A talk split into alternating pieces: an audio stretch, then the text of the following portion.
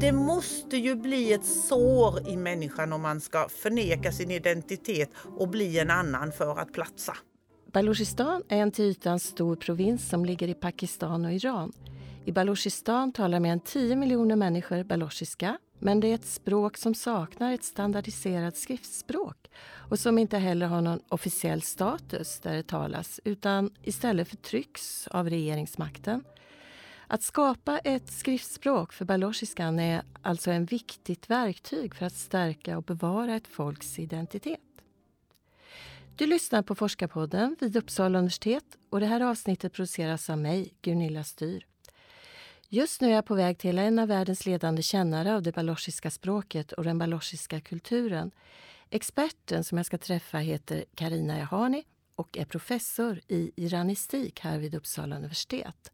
Och eh, hon undervisar bland annat i baloshiska. Men hur börjar hela den här berättelsen om att skapa ett skriftspråk? Britterna hade ju ett system där de eh, i någon mån åtminstone fäste uppmärksamhet vid språken, mm. kolonialspråken. Och då var ju baluchiska ett av de språk som man kunde ta examina i i det brittiska kolonialsystemet och få lite pluspoäng i kanten och antagligen lite löneförhöjning och sånt där. Och där var det ju då en del som, som eh, sammanställde lite böcker där man kunde läsa och lära sig baluchiska och en av föregångarna då det är den här Mansell Longworth Dames som spelade de här två böckerna. En med poesi och en med eh, ska man säga, folksagor och anekdoter och andra former av historier. Och det var i latinsk skrift. Men jag kan inte tänka mig att de tänkte att de ville skapa ett skriftspråk för baluchiskan för balucherna.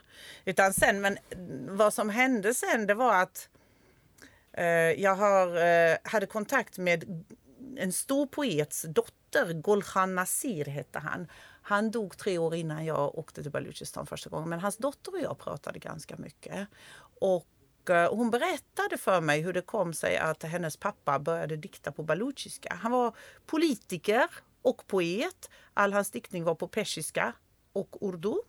Sen åkte han på en politisk kongress strax i samband med självständigheten här 46-47 Eh, i en annan del av Pakistan, i Peshawar, där man talar pashto som första språk.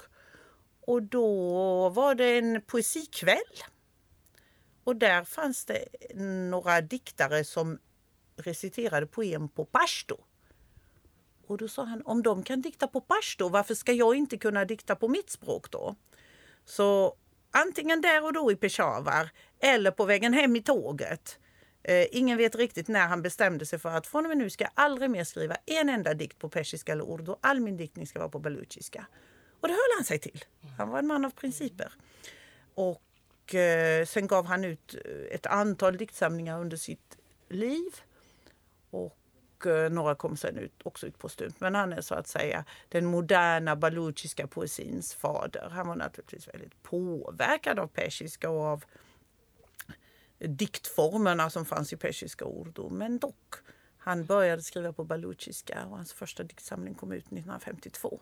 Men då är det bara balucher som kan över, överhuvudtaget kan de läsa det om det nu inte finns ett skriftspråk? Ja, alltså han gjorde ja. ju så att han tog det han kunde. Han tog urdu och började skriva med de bokstäverna man använde för urdu men började skriva baluchiska istället. Och det är ofta så eh, alfabet utvecklas.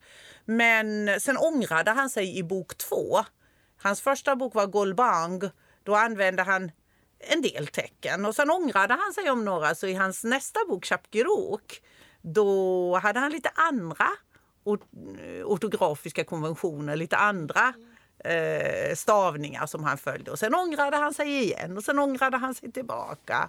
Så att vad han har lämnat efter sig det är en rik diktning men inte något sånt här systematiskt skriftspråk. Sen finns det en annan herre som eh, var hans diktarrival. Och de drog uppenbarligen inte riktigt jämnt, de här bägge eh, som verkade i en annan del av landet. Men han var mer utav en normi... Han hade mer det här idén med normerande i huvudet. Han skrev en bok som han eh, titulerade eh, baluchiska texters rätta skrivning. Och där la han då en grund för det system som sen har kommit att kallas Said Hashmi-systemet och som en del följer fortfarande.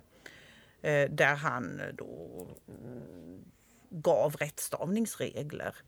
Eh, det här Said Hashemi-systemet har fått en viss spridning men det är ett oerhört komplicerat system. Det bygger på att man kan grammatik. Mm. Precis som engelskans The Boys Book och The Boys Are Playing bygger på att man kan grammatik för att veta när man ska stava boys med apostrof s och när man ska eh, stava det med s utan apostrof.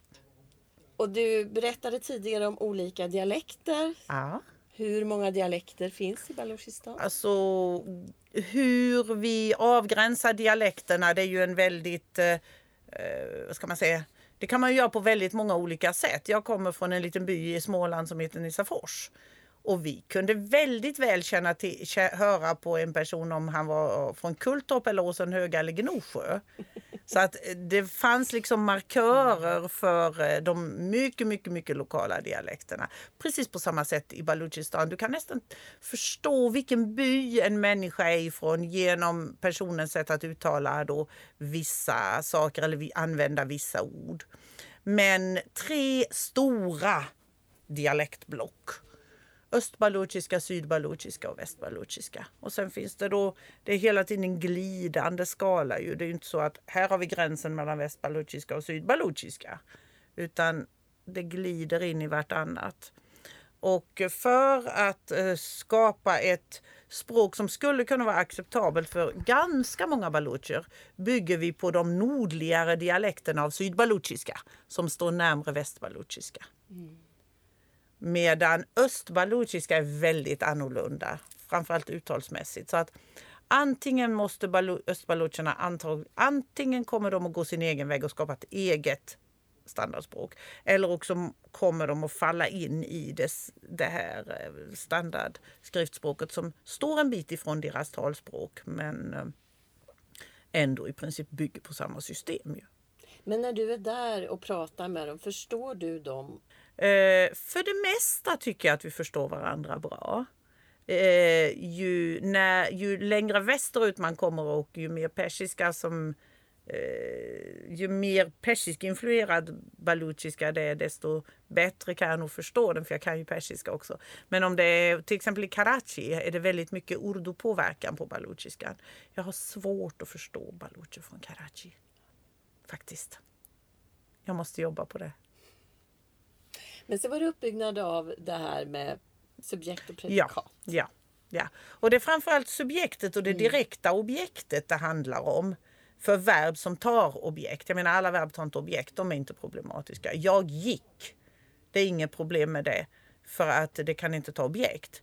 Men eh, Hassan köpte boken är heller inget direkt eh, problem därför att en bok kan inte köpa något. Det är när man har två personer involverade. Hassan träffade Mina. Var det Hassan som träffade Mina eller var det Mina som träffade Hassan? Det är ju för sig inte heller så problematiskt för båda träffades ju. Men när vi kommer till verb som till exempel Hassan dödade Mina. Då blir det ju väldigt kritiskt. Var det Hassan som dödade Mina eller var det Mina som dödade Hassan? Och för att komma underfund med det måste man ställa vissa följdfrågor eller försöka att förtydliga. Det kan vara så att en talare ifrån nordvästra Iran missuppfattar en talare från syd, eh, de södra delarna av Pakistan om vem som gjorde vad. Mm, så kan det vara. Och då kan det bli, eh, det kan bli missförstånd mellan, balucherna emellan därför att de använder olika konstruktioner.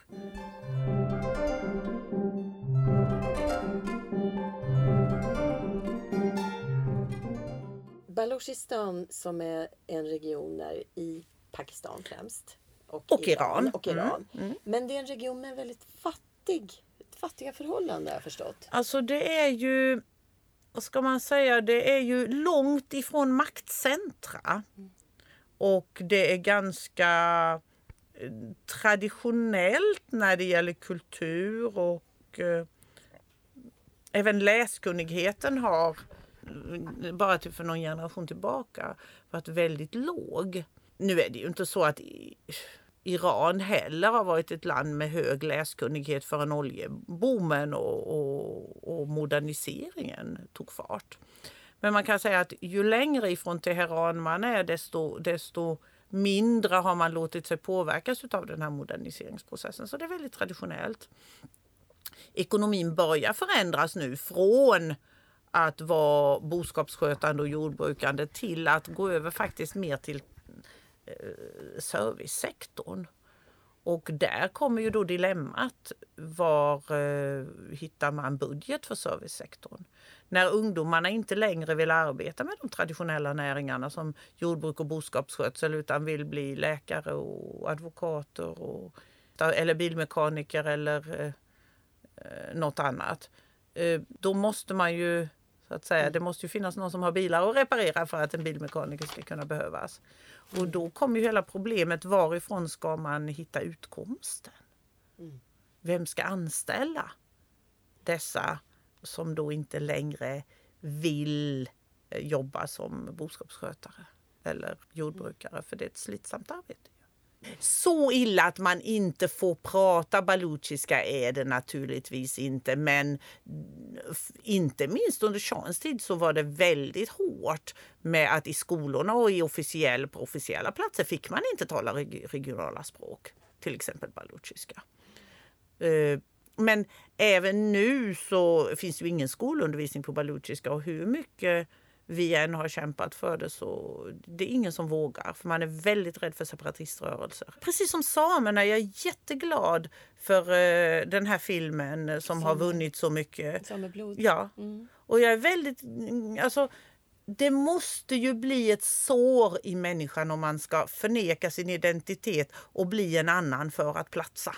Baluchen är stolt över vara balucher. Varför måste man förneka sitt språk, förneka sin kultur, förneka sina klädestraditioner, förneka det som jag har burit med mig eh, från generationer tillbaka bara för att platsa för att bli en första klassens medborgare. Balucherna har ju dessutom det problemet att de är sunnimuslimer till hög mm. utsträckning. Det är problemet i Iran för där är ju shia mm. den eh, mm. variant av islam som eh, härskar. Medan i Pakistan har man inte det. Där är man sunni precis som majoriteten. Men i Pakistan har det också varit väldigt mycket att den kultur, baluchernas kultur är helt annorlunda än panjabiernas och sindiernas. Och de är låglandsfolk och balucherna är höglandsfolk. Och, och, eh, där har det då varit väldigt mycket såna här kulturella konflikter. Och, Eh, mycket självständighetssträvanden. Balucherna är eh, stamorganiserade och har väldigt stark lojalitet mot sina stamledare och inbördes i stammen mot sina släktingar. Det har väl också skapat konflikter. Jag menar, eh, balucherna är inte bara ett enhetligt folk, de är också uppsplittrade i olika stammar och det kan bli stamfejder mellan två baluchiska stammar. Mm. Hur kom det sig att du hamnade här? Eh, då måste jag ju gå tillbaka till min kristna tro. Mm. Som eh, gjorde att jag blev intresserad av att efter gymnasiet åka någonstans. Och det var en internationell kristen grupp som eh, organiserade resor där man både fick lära sig språket och eh, kulturinteraktion. Och sen jobbade vi tillsammans med lokala kyrkor. Och då eh, fanns det lite olika länder att välja på. Jag var lite sugen på Indien ett tag men sen tänkte jag nej, Iran. Och, Vilken eh, tid var det här? 1977 78. Det var ju väldigt ovanligt ja, att åka ja, så långt. Ja, ja, mamma var inte glad. Mamma var absolut inte glad, men pappa var glad. Han sa jag fick aldrig chansen när jag var ung. Gör det. Jag skulle jobba tillsammans med en lokal kyrka i Teheran och studera persiska. Och så blev det revolution. Så vi kom dit i, i princip i samband med att oroligheterna riktigt tog fart eh, hösten 78. Så då var vi tvungna att eh, sticka hals över huvud. Eh, och då åkte vi till Pakistan. Och jag var väldigt deprimerad. Jag ville, hade velat vara kvar i Iran. Jag ville lära mig persiska.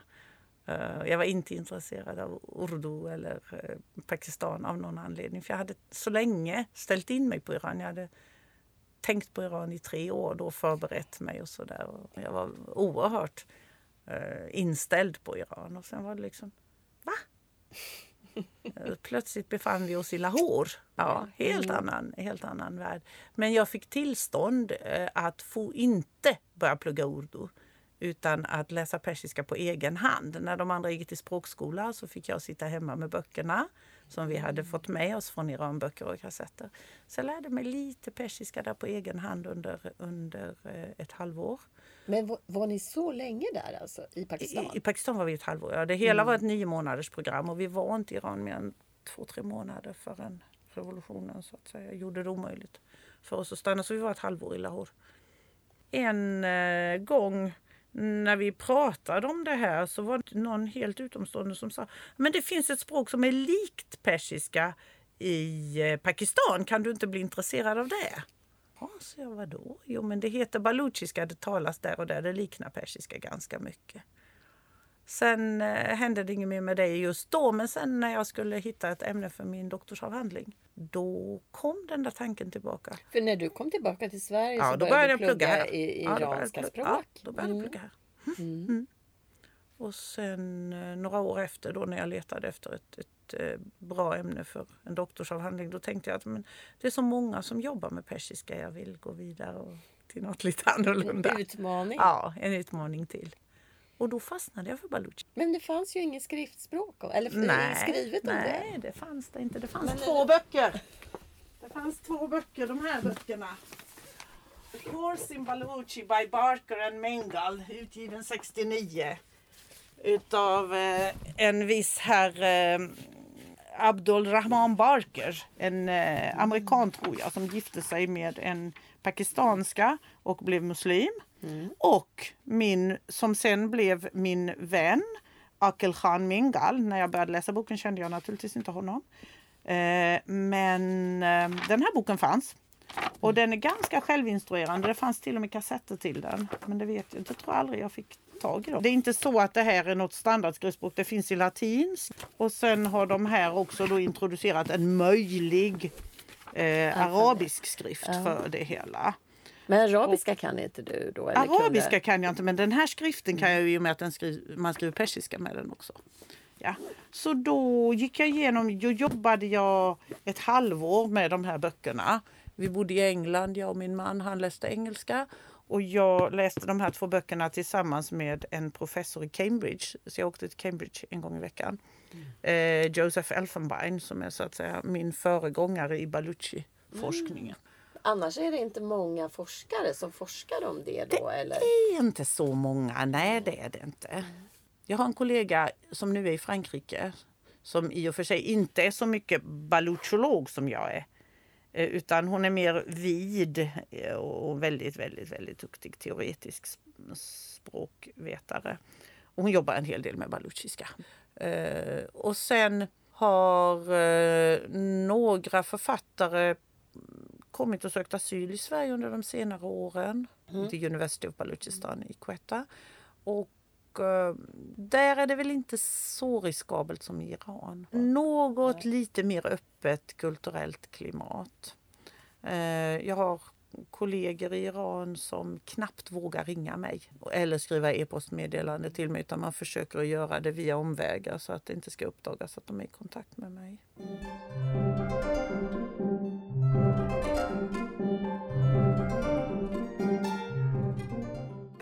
Har vi då en bok med Vack, tio folksagor. Ja, bild. Vi har fått folksagor? En, ja, Mm. Och de är inspelade här. kan man mm. sätta den här i eh, sin dator och så kan man sitta och läsa. Vi har ett arabiskt och ett latinskt system. Och det här är på en dialekt?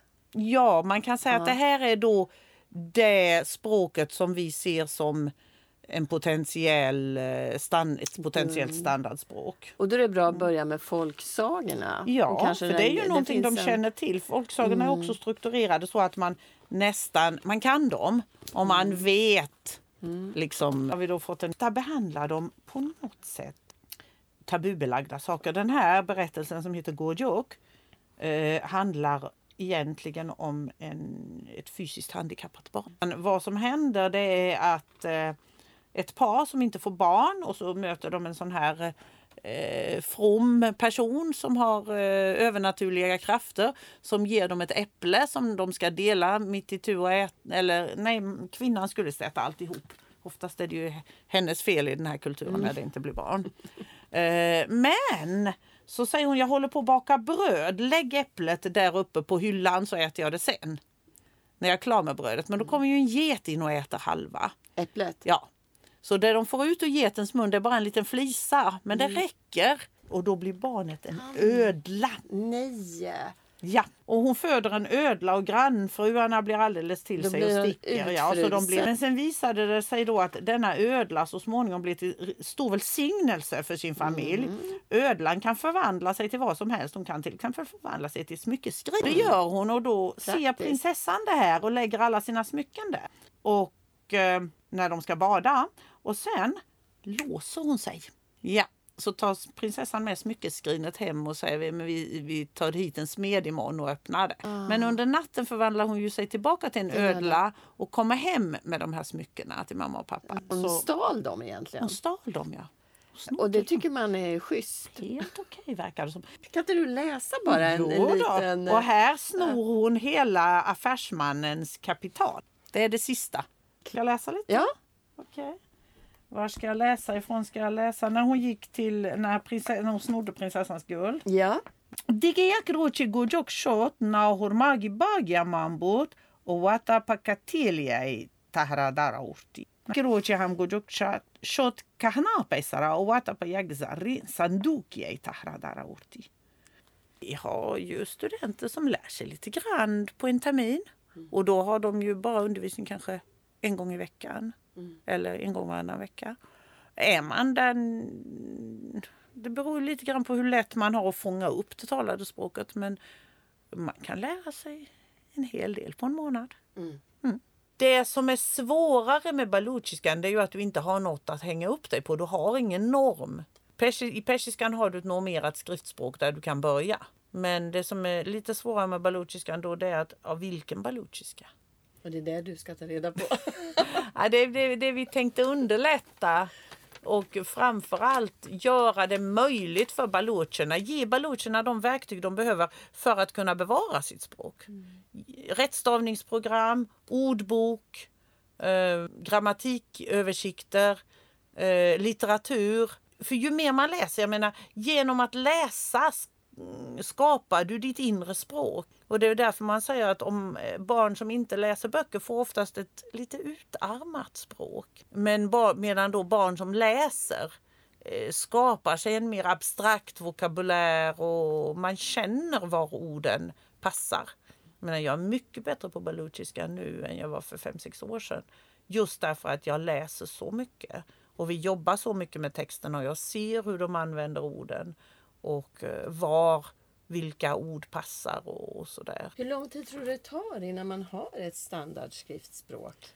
Alltså det beror helt på hur många som hänger på. Bland om, forskarna? Nej, bland, bland de litterära balucherna. Jag menar om vi får 20-30 författare som plötsligt är med oss och vi och vi kan jobba utifrån det här eh, skriftspråket och skapa en litteratur och sprida den på webbsidor och få folk att börja intressera sig för att läsa. För balucherna kan ju egentligen läsa sitt språk, det är egentligen bara ett plus ett. Språket kan jag, ortografin har jag från persiskan eller urdu, lägg dem tillsammans. Många som jag har pratat med, många balucher säger att vi kan inte läsa baluchiska. Jo men så är det bara en träningssak. Ge det en timme så kommer ni att inse att ni kan. Men eftersom ni inte har gjort det tror ni att ni inte kan. Men det är klart, kan ni språket och kan bokstäverna så det är bara att läsa ut bokstäverna så får ni mm. innebörden eftersom ni vet vad orden betyder. Mm. Mm. För du pratar också om eh, ja, rättstavningsregler mm. och även att man ska mm. skapa andra hjälpmedel mm. för språket. Ja. Appar fanns ju. Appar finns, finns ja. ja, just det. Nu är den tyvärr bara gjord för Android ännu. Men på Google App Store kan man alltså ladda ner en app där, den här folk, där de här folksagorna och inspelningarna finns. Så att man kan både höra och se texten. Och det är ju ganska effektivt. Jag menar om man vill ägna, om man vill om man vill ge det lite tid. Du hör, du ser. Så småningom måste, kommer ditt öga att vänja sig vid, ja men så här är det. Och då kan man ju välja vilken skrift man vill. De balucher som är uppväxta i Europa kanske föredrar den här skriften medan de balucher som är uppväxta i Iran och Pakistan antagligen föredrar den här skriften. Ganska otroligt att man har mm. två skrifter. Ja, vi tänkte ja. att det är bäst att satsa på två skrifter på en gång. Mitt nuvarande projekt är alltså att skriva en grammatikbok för standardspråket. Och eh, sen håller jag också på med eh, frågan om hur muntlig berättarkonst skiljer sig från skriftlig. Framförallt när det gäller meningsbyggnaden. Eh, hur eh, underordning och underordnade satser eh, fungerar i den muntliga berättarkonsten och i den skrivna berättarkonsten. Och då koncentrerar jag inte bara mig på baluchiska utan på också kurdiska och persiska som har både muntlig och skriftlig berättarkonst. Men eh, det är klart, man kan kanske känna att man ibland saknar djupet. Alltså att verkligen komma ner till botten av ett ämne och känna att det här med relativsatser, det kan jag. Det finns ju de som forskar om relativa bisatser hela livet. Eh, och då i många olika språk kanske snarast. Medan jag då har mer eller mindre fokuserat på ett språk men både olika grammatiska strukturer och annat. Som, vi måste dessutom skriva en baluchisk litteraturhistoria. Det finns inte i skrift. Spännande. Det måste. Tre böcker på gång nu. En barnbok och två diktsamlingar av olika författare som vi håller på då att polera och göra färdigt. Så det, klart blir det ju aldrig. Det blir det inte, men eh, sen får man lämna över stafettpinnen till några unga, duktiga baluchiska språkaktivister som kan fortsätta efter mig. Men tack så jättemycket! Ja, tack själv! Det är tack jätteroligt att, att, att få lite inblick i det. Det är jätteroligt att prata om det här. Du har lyssnat på Forskarpodden med forskaren Karina Ehani. Följ oss på iTunes eller i andra poddläsare och kontakta oss gärna via sociala medier på hashtag forskarpodden eller på universitetets webbsida uu.se forskarpodden. Jag heter Gunilla Styr och Forskarpodden produceras av Uppsala universitet med musik av Marcus Sjöblom.